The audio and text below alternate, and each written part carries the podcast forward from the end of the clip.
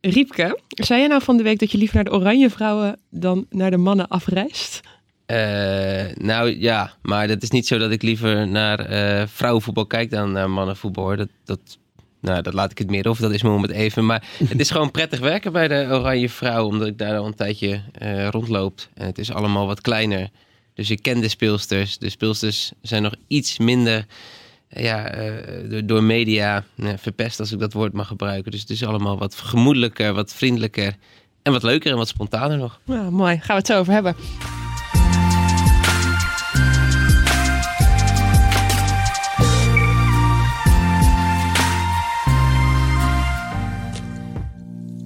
Goedendag en welkom bij de Week van Nu. Aan mij wederom de eer om deze openbare redactievergadering voor te zitten. Mijn naam is Lindsay Mossink, ik ben redactiechef bij Nu.nl.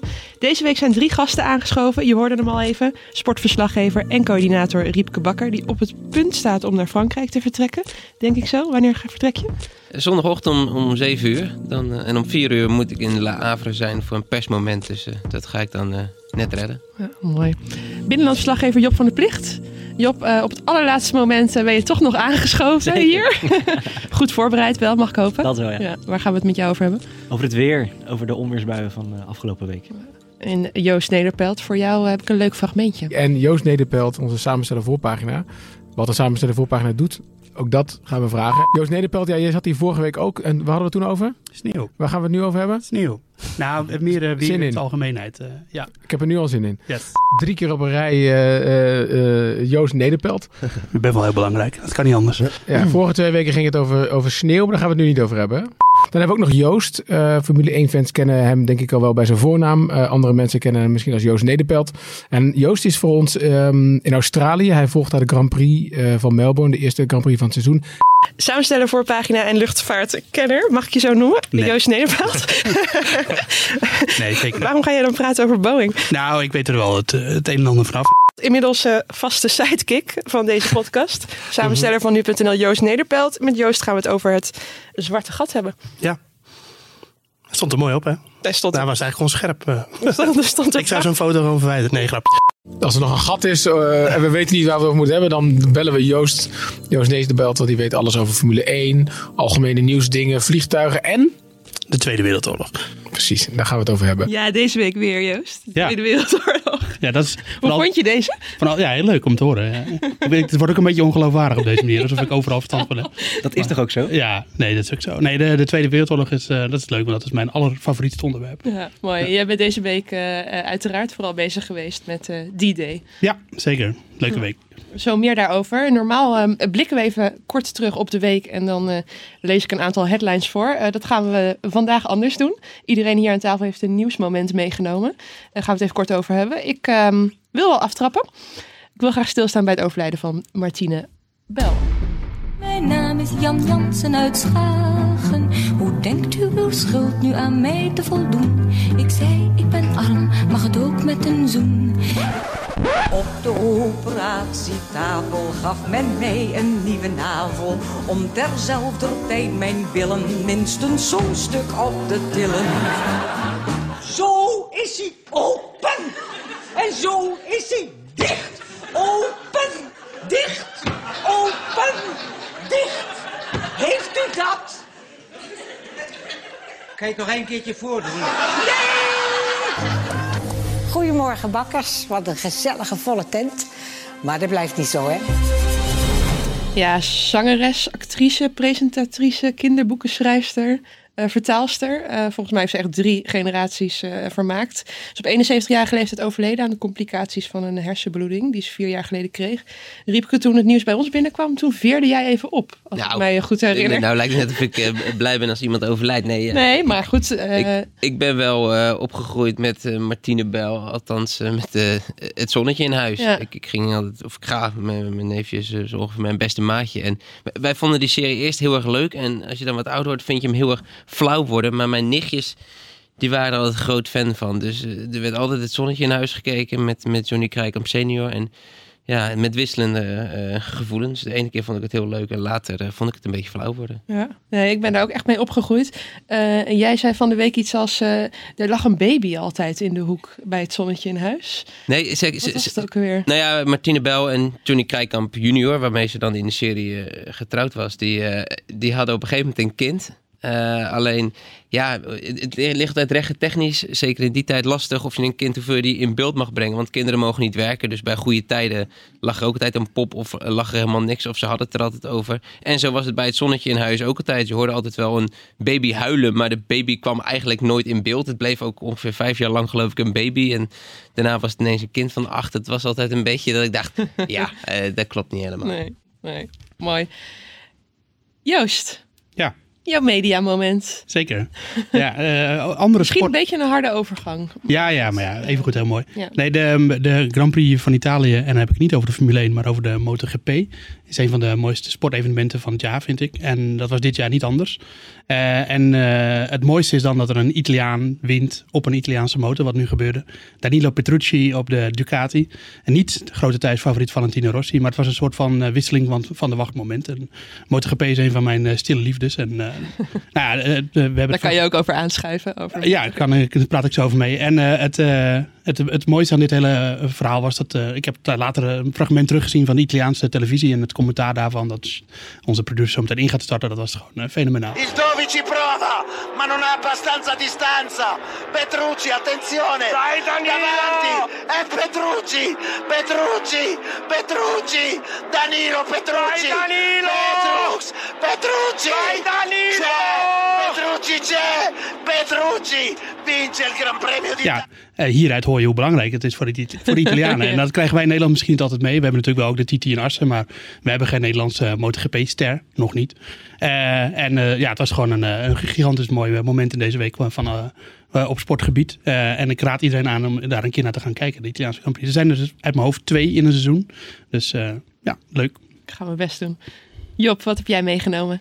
Ja, Peter M. Die eh, zaterdag, eh, vorige week zaterdag weg was gelopen uit de kliniek in Den Dolder. Laten we eerst even luisteren. Het, het is jouw broer Peter. Omschrijf hem eens. Wat is het voor man? Eh, nou ja, eigenlijk eh, als hij braaf zijn medicijnen inneemt en krijgt en eh, de juiste behandelingen zou krijgen, dan eh, is het best een aardig ventje. Maar eh, ja, als hij dat niet krijgt, dan eh, is het een rare sodomieter, Ja. om het zo maar te zeggen. Is hij gevaarlijk, vind je?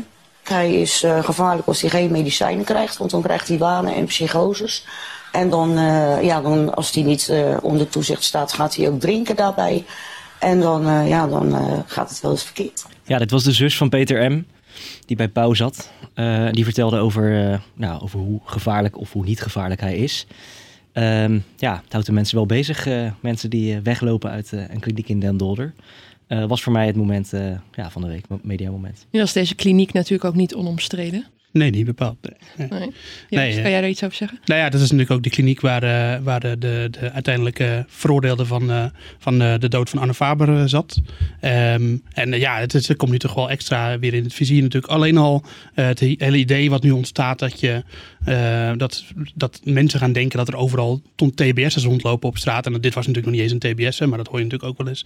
Mensen die eigenlijk eh, ja, onder controle moeten staan of, eh, of achter slot en grendel moeten zitten. Ja, en het, ik, heb- we hebben het er nu over gehad met onze misdaadverslaggever eh, Joris Peters. Dat we binnenkort wel eens een stuk willen maken over, om daar ook een beetje nuance in aan te brengen. Hoe erg het nou eigenlijk is. Dat is toch wel. Maar toch zorgt het voor, ja, al dan niet terecht, voor een eh, bepaalde soort Tuurlijk. angst, denk ik, bij, eh, bij Tuurlijk, mensen. ja. Mhm, ja. Ja, al, al dan niet voor natuurlijk de mensen die daar gewoon in de omgeving wonen. Want die eh, zijn dan natuurlijk wel de eerste risicogroep. Ja. Ja. ja. Nee, goed onderwerp om nog eens verder in te duiken, ook in een andere Ja. podcast. Riepke, wat heb jij meegenomen? Ehm, ja, ik heb ook over iemand die is overleden. Dat is de heer Semyon Rosenveld op zijn 96ste. En dat was de laatste overlevende van de vernietigingskamp Sobibor. En eh, ja, ik, ik vind het altijd eh, ja, toch best wel moeilijk. Omdat de Tweede Wereldoorlog wordt steeds meer eh, historie en geen herinnering meer. Er is nu eigenlijk niemand meer die ja, vanuit de herinnering over, over Sobibor kan vertellen. En hoe erg daar was. En dan was ik toch wel weer heel blij om deze week ja, de... de herdenking van, van die day te zien. En al die veteranen daar te zien. En eentje nog op zijn 97ste eh, met een parachute naar beneden te zien springen. Ehm, ik vind het heel mooi om, om, dat nog eh, mee te kunnen maken. Ik ben heel blij mee. Ik heb het ook wel Ik weet niet of jullie enig idee hebben wanneer de laatste veteraan van de Eerste Wereldoorlog overleed. 1914 tot 1918 was hij uiteraard. Die is wel heel lang geleden volgens mij. Is iets van tien jaar geleden of zo? Ja, in, in 2009 gingen eigenlijk eh, de laatste veteranen van de Eerste Wereldoorlog. En ik, ja, toen was ik daar eigenlijk heel erg lang mee bezig. Ik heb toen wel een man langer gevolgd. Harry Ellingham, 113 jaar oud. Overleden op 18 juli 2009. We hebben ook even een fragmentje van hem. I did not know that in my uh, unit, my Royal Navy, there was 4,700 casualties. Half of missing, believed Yeah. killed in action. Yeah. Learned as smithereens. As men, Yeah. Bits and pieces everywhere.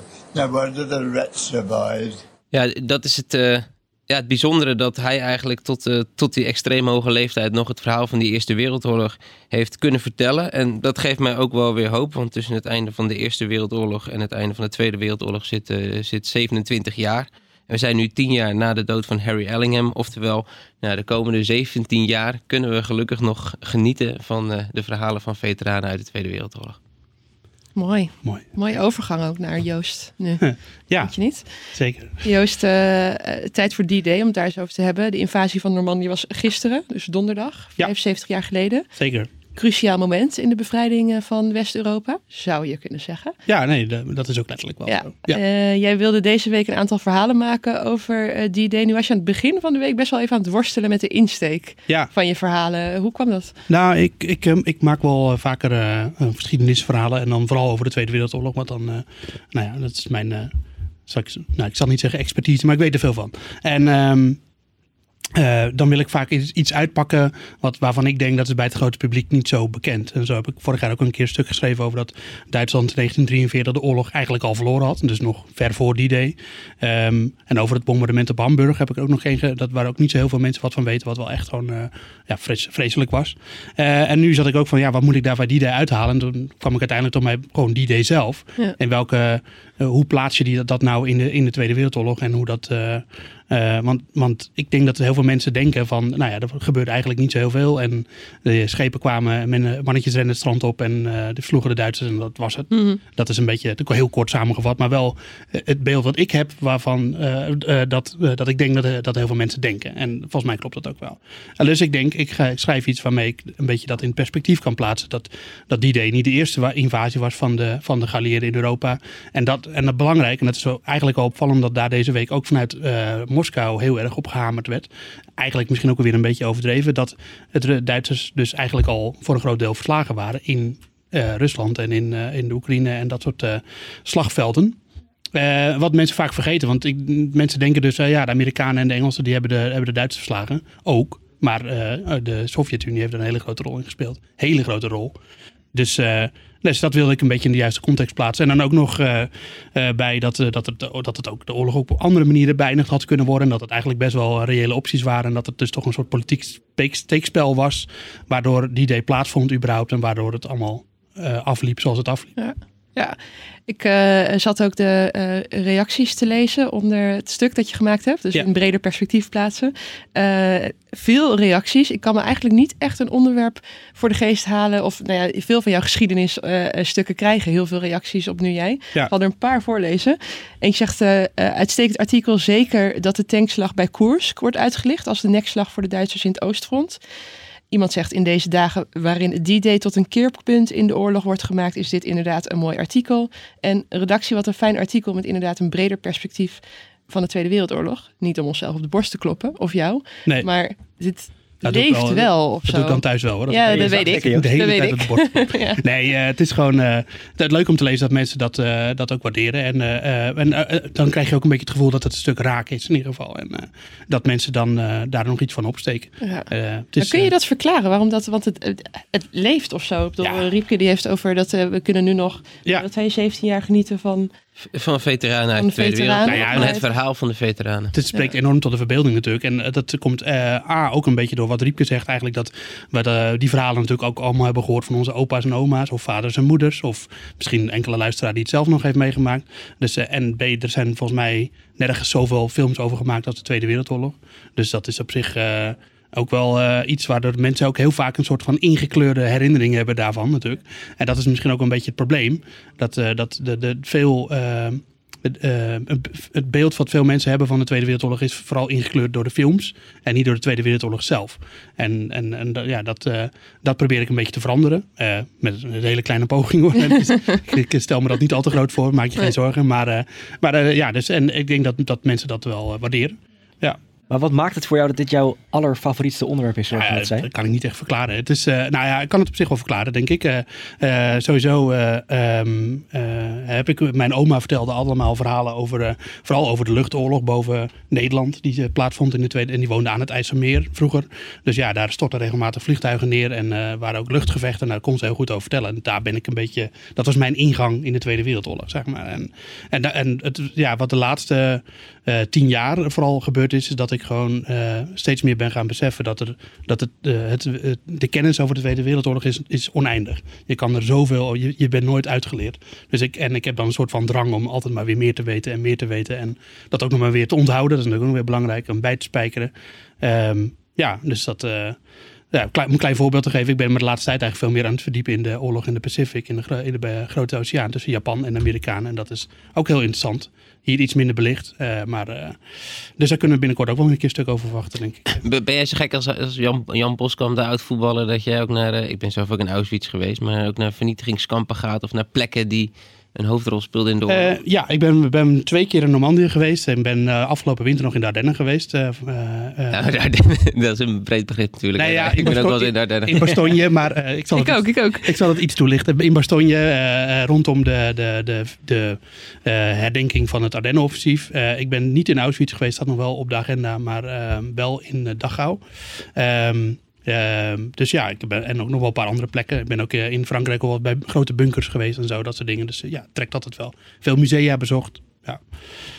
Dus eh, dat, ja, dat is wel iets wat ik ook... dat is mijn hobby, laat ik het zo zeggen. ja, het is heel je, gek om... waar je je werk van gemaakt. ja, het is misschien een beetje gek om een conflict waar miljoenen doden bij zijn gevallen als een hobby te hebben. Maar ja, wat ik zeg, het spreekt ook tot de verbeelding op de een of andere manier. Ja. Riepke, ik voetbal al vanaf kleins af aan. En vroeger ging ik wel eens naar de wedstrijden van Oranje Vrouwen. En als jong meisje en tiener zag ik Sarine Wiegman en daarna Daphne Koster spelen. In best wel kleine stadionnetjes. Handjevol mensen kwamen daar. Wat is er sindsdien gebeurd? Eh, nou ja, we zijn Europees kampioen geworden eigenlijk. Dat is eh, de, grote verandering. Nou, de, de, de ontwikkeling van het vrouwenvoetbal is al iets langer gaande. Je hebt 2007, 2008 komt de eredivisie voor vrouwen, waardoor er eh, die steeds meer meisjes die gingen voetballen zoals jij ook, ja, eh, professionele werden opgeleid. Nou, 2009 zie je de eerste doorbraak, omdat, ja, succes. Nederland haalt de halve finale van het EK voor het eerst een wedstrijd toen al van de Nederlandse vrouwen eh, live op, eh, op televisie. En eh, ja, 2013, 2015, die eerste eindtoernooien die ja, dan steeds groter worden gemaakt. En dan komt ineens die doorbraak in 2015, worden we Europees kampioen. En nu gaan we naar een WK als Europees kampioen. En ja, ligt er meteen een verwachtingspatroon. Zitten de stadions, eh 30.000 mensen erin. En ja, kun je zeggen dat het een, eh, ja, een volwaardig, heel groot eh, Nederlandse elftal is geworden. Wat eh, nou ja, steeds dichter in de buurt eh, komt qua uitstraling van de mannen. Jij eh, nam ehm, eh, bij de uitzwaaiwedstrijd eh, tegen Australië, die eh, overigens eh, keurig met 3-0 gewonnen werd eh, door de Oranje Vrouwen, nam je een, eh, een nabeschouwing met onze verslaggever Mark Lene op. En daarin begon je de video met, wij worden wereldkampioen. Ja. Moeten we die enthousiasme een beetje temperen? Nee, dat moeten we niet temperen. Maar dat was ook een beetje frustratie, omdat ik een beetje eh nou ja, moede van word. Ik zou zo bij de mannen, Bert van Marwijk, die zei in 2010: wij willen wereldkampioen worden tegen zijn spelers, maar ook naar buiten toe werd het echt uitgedragen van wij willen wereldkampioen worden. Wij worden wereldkampioen, werd op een gegeven moment zelfs. En ik merk nu wel een beetje dat het ja, bij de vrouwen, eh, ze zijn wel erg bescheiden. Ze zijn wel heel bang om een, eh, om een doelstelling uit te spreken. Ze willen, ja, het is belangrijk dat het voetbal populair blijft, weet je wel. Dan kom je in dat soort eh, algemeenheden. Eh, terwijl ik denk, ja, je gaat er als Europees kampioen heen. Er staat een, eh, een fantastische generatie die qua leeftijd ja, op, een, op een hoogtepunt zit. Hè. Lieke Martens is eh, 26, Van der Zanden eh, 26, 27. Nou ja, dus het is ook het moment om te pieken. Dus daar mag best wel wat meer bravoure bij. Ik zeg niet dat ze moeten roepen... eh, wij worden wereldkampioen, maar het zou wel mooi zijn en leuk als ze zouden roepen: we gaan voor de wereldtitel. Ook omdat het hele Oranje Legioen, en daar zijn ze een beetje bang voor, er ook wel heel veel van verwacht nu eh, na dat succes van Ja. de EK. Gaat dat gebeuren, denk je, dat eh, de vrouwen wereldkampioen worden? Nou, het is vrij breed. eh, zoals eigenlijk ook bij de mannen hoor. Anders dan vroeger had je de twee, drie landen die wereldkampioen kunnen, konden worden. Nu heb je Verenigde Staten, eh, Frankrijk, eh, Engeland. Dat zijn allemaal eh, over het algemeen gewoon eh, profs. Dat zijn best wel ervaren speelsters, anders dan, dan, dan vroeger. En ja, daar een beetje achter zit Nederland eigenlijk zoals je het ja, eh, een aantal jaar geleden ook, eh, ook, eh, ook bij de mannen zag. Weet je wel, dat we nou misschien net eventjes achter de topfavorieten zitten. Maar ja, het is, het, het is zeker niet onmogelijk dat we wereldkampioen worden. Want wie zijn de grote concurrenten? Nou ja, de Verenigde Staten is het grote voetballand ter wereld. In 91 wereldkampioen, 99 wereldkampioen, nu ook de regerend wereldkampioen. Dat zijn eh, vrouwen die net, even, ik denk, wat fitter en wat, wat fysiek ook wat sterker zijn. Het, het, het voetbal zit daar nog meer voor vrouwen in de, in de cultuur, in tegenstelling tot, eh, tot bij de mannen, waarbij het natuurlijk allemaal... eh, wat meer behelpen is. Nee, ja, da- daar zit het echt in. En daarnaast heb je natuurlijk ja, Frankrijk, wat een fantastisch sterk elftal heeft. Wat Olympique Lyon heeft eigenlijk als hofleverancier. Wat al jaren de grote club is. Hè. Zes keer de Champions League gewonnen de afgelopen jaren. En ja, zij spelen thuis. Nou ja, goed, we hebben het zelf twee jaar geleden meegemaakt. Dan kan er wel iets ontstaan waardoor ze wereldkampioen kunnen gaan Ja, worden. zeker. Jij sprak ook nog met eh, Sarina Wiegman, hè? Ja, nou dat is ook wel weer. Ik vind het heel prettig om met bij de vrouwen te werken, omdat daar nog zoveel mogelijk is. Om een voorbeeld van te geven, ik belde op naar de, de KNVB en ik zei, ja, ik wil eigenlijk rond het WK een, eh, een interview, rond de openingsweekend van het WK, een interview met Serena Wiegman. Waarop zeiden, eh, oh ja, eh, nou donderdag kom maar langs.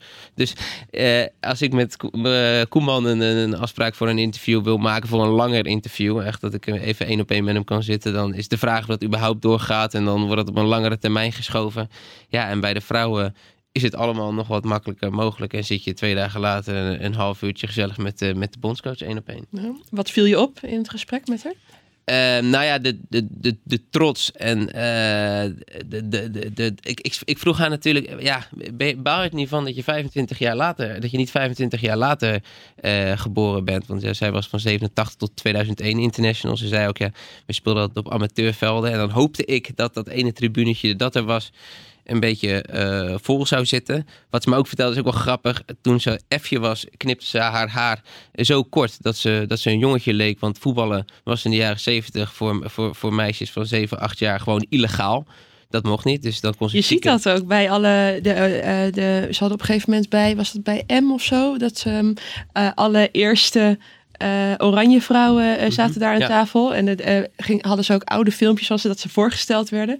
En bijna allemaal ook haar kort geknipt. Ja. Omdat ze allemaal bij de F'jes speelden. en zo. Ja, ja. Nee, ja dat, is, dat, dat is 73 en zo idioot was het. Ik bedoel, we, geven eh, we hebben over andere landen met vrouwenemancipatie en vrouwenrechten. Nou ja, in de jaren 70 mocht je als meisje van acht nog niet eens op voetbal in Nederland. Nou, zo, zo idioot ja, was het. En ik heb het een beetje, eigenlijk heb ik het een beetje over, meer over haar leven, wat ik, wat ik het meest interessant vond eh, gehad. En hoe trots ze eigenlijk is. En misschien ook wel een beetje verbaasd dat ze nu kan leven als, als, als vrouwenvoetbaltrainster.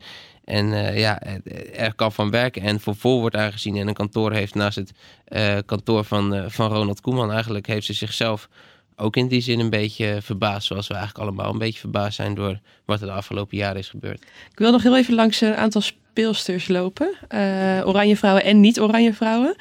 Is, eh, sterkhouders volgens mij Vivianne Miedema, pas 22 hè. Ja. Kan topscorer alle tijden worden. Natuurlijk Lieke Martens, beste voetballer van het EK. droomtransfer naar Barcelona. Ja. Maar op wie moeten we nog meer letten? Nou, het is wel grappig dat we nu heel erg natuurlijk altijd nog Lieke Martens in ons hoofd hebben van dat is de beste van allemaal. Maar Lieke Martens heeft niet zo'n heel goed seizoen gehad. En eigenlijk is eh Vivianne Minima eh, ja, haar wel een beetje voorbij. En eh Minima heeft wat minder exposure, wat minder sponsorcontracten nog. En wat minder Nike eromheen. Maar eigenlijk is eh, Minima, vind ik, eh, hij heeft alles om de, de, grote ster van dit toernooi te worden. En eh, topscorer van het toernooi te worden. Ja, en verder is dit eigenlijk gewoon hetzelfde elftal als het EK-elftal. Er is niet doorgeselecteerd. Dat hoeft ook niet, zei Wiegman. Want de leeftijd is zo dat je nog wel langer mee kan. Dus het zijn weer... nou ja, Jackie Groene moet je natuurlijk altijd op letten. Want die is Nou, ze, ze, ze weegt niks, is fysiek helemaal niet sterk, maar die kan zo verschrikkelijk goed voetballen. Eigenlijk de, de, de Frenkie de Jong in vrouwelijke vorm, dat ze uit die duels blijft en gewoon eh, ja, zo iets bijzonders aan het spel eh, toevoegt. Dus, eh, ja, Gaat na de dat- zomer bij Manchesters voetballen. Ja, ja, ja, nou moet je dat wel. Manchester United is net begonnen met een vrouwenafdeling, dus het is nog niet eh, het verleden en de roemruchte club zoals het bij de mannen is. Maar Ze de- zijn nog gauw beter dan de mannen. ja, dat, dat is zo, ja. Daar, daar als, ligt- en er ligt in ieder geval, net zoals bij de mannen, een hele aardig wat geld om te investeren. Het is alleen wel te hopen dat ze dat iets beter eh, investeren dan bij de mannen.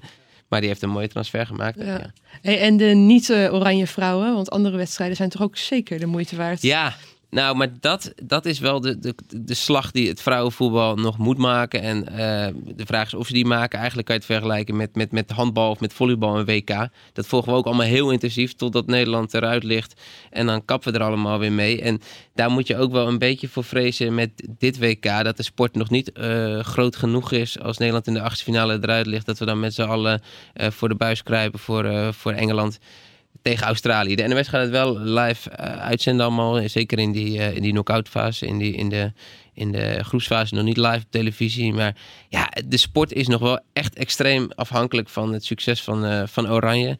En als Oranje eruit ligt en stel ze plaatsen zich niet voor het eh, grote toernooi... dan kan het wel weer heel snel eh, minder worden. Dus die druk voelen de vrouwen wel. Maar zijn er ook een vrouwelijke Messi-Ronaldo-types waar we naar eh, moeten kijken? Ja, landen? eh, Ada Hede- Hegerberg van, eh, van eh, Noorwegen, maar die gaat niet mee, want die heeft, die heeft een conflict met de bond. Oh, Eh, nou ja, er eh, zijn- nou ja, als ik er eentje mag noemen, eh, Marta. Oh ja, van dat Brazilië is, toch? Ja, dat is de Braziliaan. Tik even op YouTube Marta in. Dat is, eh, dat is Panna's, dat is Hooghouden, dat is de vrouwelijke Ronaldinho. Ze is 33, dus dit is wel een Hoeveel beetje... interlands heeft zij nou op haar naam staan? Weet je Eh, dat uit je hoofd? Niet? Niet eens, volgens mij 140. Je hebt, je hebt, eh, het, valt nog mee. Je hebt een, de Amerikaanse, eh, een van de Amerikaanse vrouwen zit bo- bo- boven de 200. Ja, op de een of andere manier zijn er in het vrouwenvoetbal worden vaker interlands gespeeld. Want bij de mannen ligt het record rond de 180 interlands. Nou, bij de vrouwen op, eh, op 250 interlands. Dus ja, er is ook een, een, een Canadese speelster die heeft er ook al meer dan 150 doelpunten geloof ik gemaakt. Ja, de, de, de aantallen zijn allemaal wat groter. En speelsters blijven ook langer international. Omdat het over het algemeen een minder grote vijver is waaruit je vist bij de mannen. Ben je op je 16e al basisspeler bij, eh, eh, bij je land. En kan je dat ook gewoon blijven tot je, tot je 36e. Er gaat zelfs bij Brazilië zit een vrouw van 41. Die maakt zich op voor haar zevende WK. Was in 1995 al bij. Voor Formiga, geloof ik. Ja, Formiga, dat is haar naam. Maar goed, eh, eh, tik, tik in Marta, want dat is echt, eh, echt genieten. En daarvoor moet je voor de buis gaan kruipen. Die, die gaat panda's uitdelen en die gaat prachtige dingen doen. Haar bijnaam de vrouwelijke Ronaldinho. Mooi. Wanneer gaan we beginnen? De Oranje Vrouwen. Eh 11 juli, dinsdag. Dus we rijden zondag heen. Twee persmomenten en dan is het eh, Nieuw-Zeeland. Wat we op het vorige WK ook al tegenspeelden. Toen wonnen we 1-0. En daarna is het Cameroen, Canada. Wat ik ook trouwens wil meegeven om de druk even op te voeren op die eh, oranje vrouwen. Dat wordt allemaal heel moeilijk gedaan. Maar die poolfase, eh, je moet bij de eerste twee eindigen. En de eerste nummers, beste nummers drie gaan zelfs ook nog door. Dat moet echt twee vingers in de neus zijn. En dat gaan ze makkelijk halen. Nieuw-Zeeland moet je verslaan. Cameroen moet je heel dik verslaan. En daarna is Canada best een spannende wedstrijd. Maar dan ben je al geplaatst. Dus Maar de achtste finale kan wel een ding worden. ja, dan, dan, dan krijg je eh, Engeland, Zweden, Verenigde Staten, een topland. Maar eh, twee vingers in de neus, dat wordt, eh, wordt de groepsfase. Dat kan ik je vast zeggen. En eh, de, de vrouwen gaan dat ook gewoon waarmaken. Nou, je bent de druk aardig aan het opvoeren. Ja, nee, ja, dat, dat, ja, tuurlijk, voelen jullie het tuurlijk, nu? Ja? ja. Ja? Nee, maar dat toernooi het moet al. een beetje gaan leven. En dan moet je ook een beetje bravoure uitstralen. En niet, eh, ja goed, wedstrijd voor wedstrijd. Dat hoor ik iets te vaak. Eh, nou ja, als Nederland de groepsfase niet eh, doorkomt, dan is dat gezien de tegenstand wel een, een kleine schande. En ben je nou bang dat, eh, je zei aan het begin van de podcast, dat de mannen eh, ja, een beetje verpest zijn door de media. Ben je bang dat het over nou, een jaar of vijf of zo ook bij de vrouwen is gebeurd? Ja, ja niks menselijks is ook vrouwenvreemd. Nee, maar dat, je merkt het nu ook wel eh, in vergelijking met, met, met twee jaar geleden. Eh, ja, hoe, hoe vaker je voor een camera staat, hoe vaker je eigenlijk hetzelfde verhaaltje moet vertellen. Ja, dan, dan wordt het lastig. En je merkt nu al dat die vrouwen eh, gereserveerder zijn. Eh, nou ja, ze hebben heel veel volgers op, op social media. Ze, zijn, ja, ze staan constant in de belangstelling. De druk is ook hoger. Eh, ze zitten vast in allerlei commerciële deals waar ze heel veel tijd voor vrij moeten maken. Dus ze hebben minder tijd, dus ze worden exclusiever. Dus het contact met de pers eh, wordt zakelijk, maar is eh, nou ja, nog lang niet zo zakelijk als bij de mannen. Dus daar valt, eh, ook eh, nog wel, eh, daar ligt nog een hoop ruimte. Overigens wil ik wel zeggen, ik ga ook met heel veel plezier naar de mannen hoor. En ook dat zijn af en toe best wel heel Ja, erg straks leuk. ben je daar niet meer welkom. natuurlijk. Nee. Maar we leggen de nadruk even op de vrouwen deze week. Job, hoe was jouw week? Ja, goed. Ja, ik ben eh, aan het begin van de week eh, in Wageningen geweest.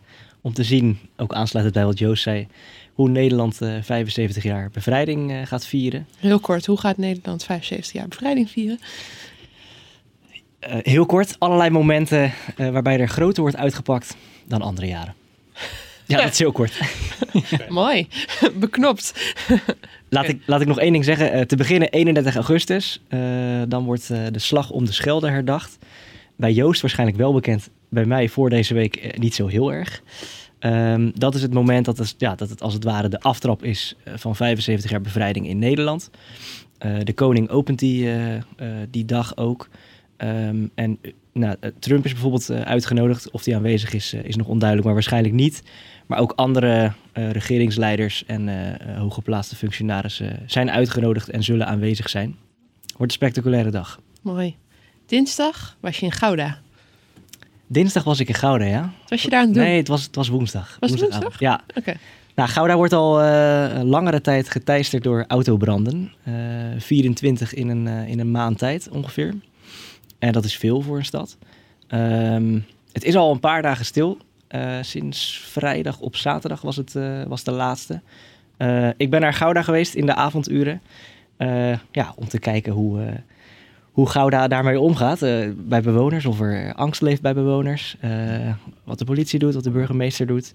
Eh, maar ja, dat duurde tot eh, een uur of elf. En toen brak het noodweer los. Ik was blij dat ik met de auto eh, was. Ik was van plan met de fiets te gaan. Ik woon in de buurt van Gouda, maar ik was toch met de auto gegaan. Gouda is namelijk nu het haakje voor het eh, weer waar we het over gaan hebben. ja, ja, Even ja, voor de duidelijkheid. Zeker, ja, zeker. nou, het, het noodweer brak los. Dat heeft veel mensen bezig gehouden. We gaan het niet over Gouda hebben, maar over het weer. Ik heb over de onweersbuien gesproken met Renier van den Berg, meteoroloog en eh, weerman bij RTL. En eh, die vertelde mij dat op zich dit soort eh, zware onweersbuien in juni eh, niet uitzonderlijk zijn. Maar wel dat het drie keer in een week is. Ja, dat is wel echt veel. En ja, veel mensen hebben wel echt last gehad eh, van het zware onweer deze week. Zeker. Ja, ik werd eh, gebeld eh, door mijn zus. Die had mijn neefje van acht aan de lijn. En ik moest, eh oom Joost moest vertellen hoe het nou precies komt dat, eh, dat het donder er is. Want dat is toch wat bij kinderen altijd het, hetgene wat mensen heel erg bang maakt. Tenminste, kinderen vooral. Wat heb je verteld, Joost? ja, nou, nee, dat komt doordat de, de lucht heel erg hard uitzet. snel uitzet door, door de hitte die plotseling ontstaat. En daar komt dat scheurende geluid vandaan. Dus dat is eigenlijk ook een beetje hetzelfde geluid wat een straaljager maakt. Dat is wel grappig. Dus dat heb ik een beetje erbij gehaald. Van hetzelfde geluid wat een straaljager maakt. Oh ja, oké. Ja, toen toen eh, was hij wat meer gerustgesteld. Dus de, de, de volgende nacht dat het zo onweer had hij zo goed geslapen. Kan je dit ook aan mijn hond uitleggen? Die denkt altijd met onweer dat hij een wolf is. De hele nacht. Ja, nee, Wat gebeurt er dan? Ja, dan gaat hij dus gewoon janken als een wolf. dat, ja, dat, is, dat ga ik nu niet na. Nee, het is wel opvallend dat sommige mensen vinden dit dan een, eh, een hele vreselijke week. Omdat het maar ik vind dit zijn de beste weken. Dat, eh, je kan het niet saai noemen, toch? van die eh, zware onweersbuien. Nou, enerzijds is dat natuurlijk wel waar. Eh, als je thuis bent en je, je kan er naar kijken en van genieten. Maar het levert natuurlijk ook wel, wel veel problemen op. Ja, ja, ik zag wel dat eh, Amsterdam waren echt op een mooie plek hele grote bomen omgewaaid. En ook op andere plekken natuurlijk. Niet alleen in Amsterdam, voordat we dat weer krijgen. Maar eh, dat, eh, dat is natuurlijk wel echt het grootste nadeel van, van dit soort weersomstandigheden. En volgens mij had, wat, dat, had ook met die straalstroom te maken die dan perfect staat. Eigenlijk de perfect storm, zoals die film heet. En dat, dat je dan door het verschil in koude lucht en warme lucht... dat je daardoor wrijving krijgt en veel statische elektriciteit. En waardoor de wolken worden geladen en dan krijg je dus eh, onweer. Ja, dat, eh, dat hebben ze toch allemaal wel geleerd op school? Of? Al dus weer, want Joost. In Reden was er zelfs een, eh, een tornado die ook echt een spoor Ja. van vernieling heeft achtergelaten. Het Gelderse Reden. Van 33 kilometer. Ik hoop niet dat we Amerikaanse toestanden krijgen in dit soort, dit soort maanden. Gaan we hier nou vaker mee te maken krijgen met zulk extreem weer? Nou ja, de, de omstandigheden. eh Renier van den Berg die zei, eh, om een goede onweersbui te krijgen heb je energie nodig. Die energie die komt voort uit warmte. Nou, de aarde warmt op.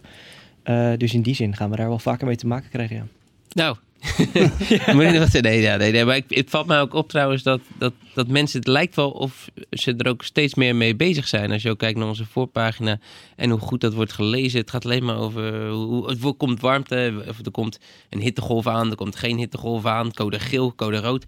Ja, vroeger keek je, bestonden die hele codes ook volgens mij nog niet. Tegenwoordig is het... eh, constant maar overal codes op plakken en moeten we maar in paniek raken. Ja. Ja, weer is echt nieuws geworden. Dat Nou ja. is, eh, wel Maar voor mensen is het ook belangrijk. Hè? Er- zijn best wel veel mensen die zich eh, goed voelen eh, als het mooi weer is en slecht voelen als het, eh, als het niet goed weer is. Ik, daar gaat het meer over Maar van, collega's van die saaie, donkere motregen.